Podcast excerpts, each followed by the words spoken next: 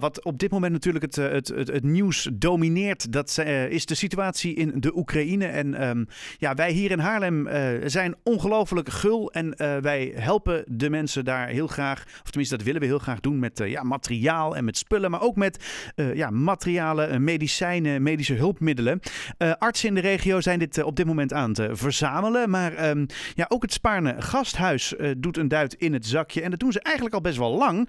want jullie hebben altijd al een lijntje lopen met de Oekraïne. Aan de telefoon Marlos, Marlos, Marloes Bosman van het Spaarne Gasthuis van uh, ja, de commissie Tweede Kans. Um, kun je me eens uitleggen, Marloes, wat dat betekent, die uh, commissie Tweede Kans? Ja, goedemiddag. Um, nou ja, commissie Tweede Kans um, is bij ons ontstaan uh, in het kader van duurzaamheid. Mm -hmm. we zijn een jaar of twee geleden hebben we een beetje de krachten gebundeld met een multidisciplinair team en hebben we eigenlijk gezegd dat alle materialen of apparatuur die niet meer benodigd zijn of afgeschreven zijn, dat we die heel graag een nieuw leven willen geven. Uh, en eigenlijk deden we dat altijd wel, uh, uh, zeg maar, op verschillende afdelingen en werden dingen geregeld. en een van die stichtingen waar we al zeven jaar mee werken, is dus de Stichting Hulp aan Oekraïne. Ja. Ehm, Alleen, we hebben het, uh, op een gegeven moment hebben het gebundeld, zodat we het met z'n allen goed in de gaten kunnen houden. En ook dat alle afspraken helder zijn. Uh, en dat is dan gebundeld in die stichting, of tenminste, nee, het is geen stichting, in die commissie? Um, in die commissie. Ja. En die commissie is, is echt van medewerkers uit het Spaarne Gashuis. Ja. En dat is onze duurzaamheidscoördinator, dat zijn verpleegkundigen, uh, dat ben ik. Ik werk zelf op inkoop, uh, onze medische techniek. Uh, en wij proberen ook echt goed te monitoren dat het ook echt op de juiste plek terechtkomt. Dus uh, wij verzamelen eigenlijk continu in. We hebben een opslag. En dan kijken we één keer in het kwartaal, oké, welke aanvragen zijn er van welke stichtingen en wat kan waar naartoe.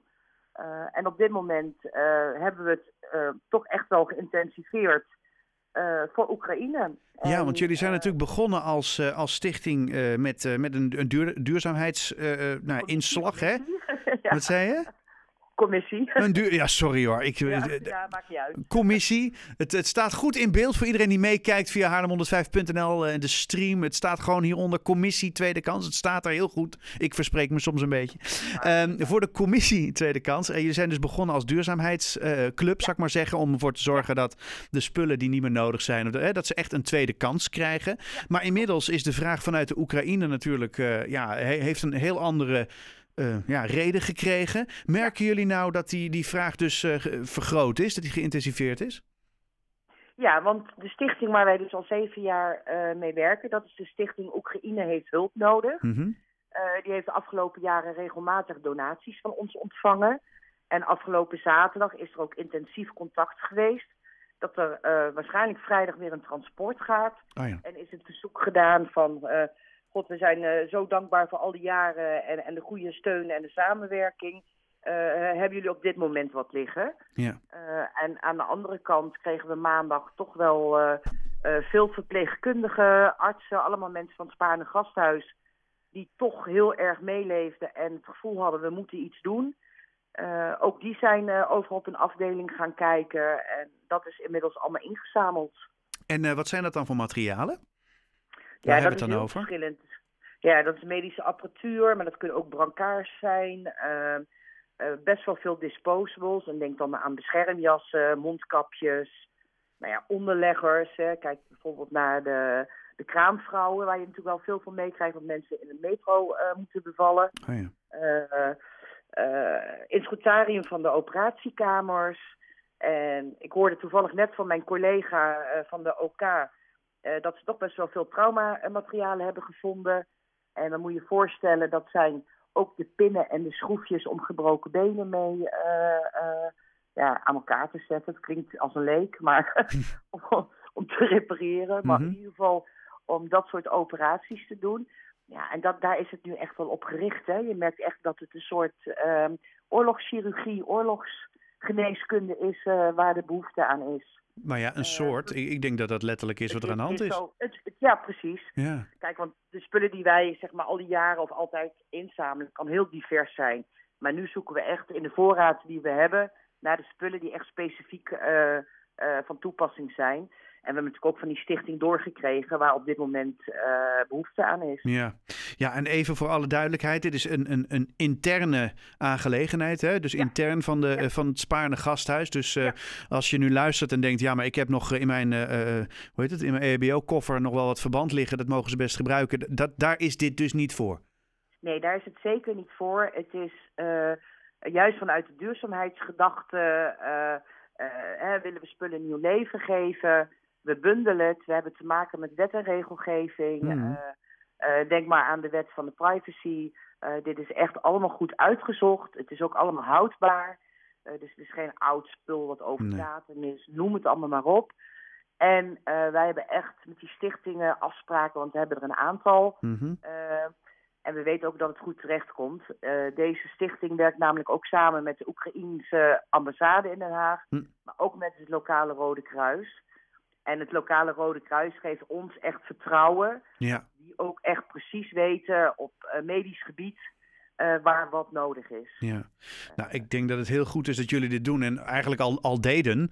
En uh, ja, het ja, is nu natuurlijk puur toeval in zekere zin dat dit nu op jullie pad komt. Um, ja, hoe, hoe lang kunnen jullie dit blijven doen? Is dit zoiets van, nou, dit, dit kunnen we wekelijks volhouden? Of, Nee, het zal zeker niet wekelijks zijn. Ehm, maar zeg maar de afgelopen jaren, en ik heb toch echt wel. Nou, ik werk nu 30, nou bijna 20 jaar in dit ziekenhuis met tussenpozen. En ik heb het altijd wel meegemaakt. Oh, ja. eh, als de bedden werden vervangen, of de nachtkastjes, of een echoapparaat. Nou, hebben de hele tijd Malawi gehad, of landen in Afrika. Hm. Uh, en je ziet echt dat dit een, een, een ongoing proces is. Alleen uh, de prioriteit Hè, door alle hartverwarmende acties en, en, personeel bij ons wat echt, echt betrokken is, uh, hebben we nu die voorrang aan Oekraïne gegeven. Ja. Maar over een half jaar zou er best wel iets in Afrika kunnen gebeuren. En dan wordt dat ons, uh, uh, ons, ons, ja, ons doel. Ja, precies. Ehm, maar het, het, is niks nieuws. Het is eigenlijk iets wat, wat altijd al gebeurde. en er zijn ook altijd in de organisatie mensen die uh, artsen bijvoorbeeld die regelmatig in, in, in, in dat soort landen gaan opereren. Uh, Dus er zijn altijd wel contacten uh, geweest. Oké, okay, nou ja, dat, dat, klinkt heel goed. misschien even een hele rare vraag hoor. Maar ja. is dan nu op het, het Spaarne gasthuis zeg maar de switch corona-Oekraïne gemaakt, zeg maar? In, in, gewoon in de wandelgangen? Merk je daar iets van? Nee, het loopt gewoon naast elkaar. Okay. En, de situatie met betrekking tot corona, die spreken jullie ook regelmatig met ons ziekenhuis. En dat, hmm. uh, dat blijft gewoon, blijft gewoon hetzelfde. Nee, gelukkig. Gewoon iets naast elkaar. Ja, ja nee, oké. Okay, ja, bedacht ik me opeens. Ik denk, dat is toch bijzonder inderdaad. Hè? We hebben het helemaal niet meer over. Terwijl drie weken geleden was dat nog ja, het, in de ding. media zie je dat heel duidelijk. Ja, hè? Ja. ja. ja. Maar wat ik ook zei, dit is eigenlijk een ongoing proces ja. dat altijd is geweest. Alleen dit transport en uh, expliciet deze stichting krijgt nu even voorrang. Ja. Uh, dat is eigenlijk het enige, enige verschil. Nou ja, helder wel. En ik, ik bedoel, ik denk ja. dat iedereen ook wel snapt waarom. Um, Marloes Bosman van de commissie Tweede Kans, ik zeg het nu goed. Heel veel succes met jullie, met jullie werk en met het, met het inzamelen van de zaken intern. Ja. En, um, en, ja? Ja, ik, ik, wil ook nog eigenlijk wel zeggen dat ik ook iedereen in Haarlem uh, succes wens met hun eigen acties. En, uh, en ook uh, Giro 555 is denk ik ook wel zeker goed om, om nog een keertje te, te benoemen als je iets, als je iets wil doen. Ja, ja en komende maandag is er een grote mediacircus rondom Giro 555 weer. Hè? Dat, ja, ja. Nee, heel goed. Goed dat je het even benoemd hebt. Um, Dank je wel en heel veel succes. Graag gedaan. Jij ook. Dank je wel.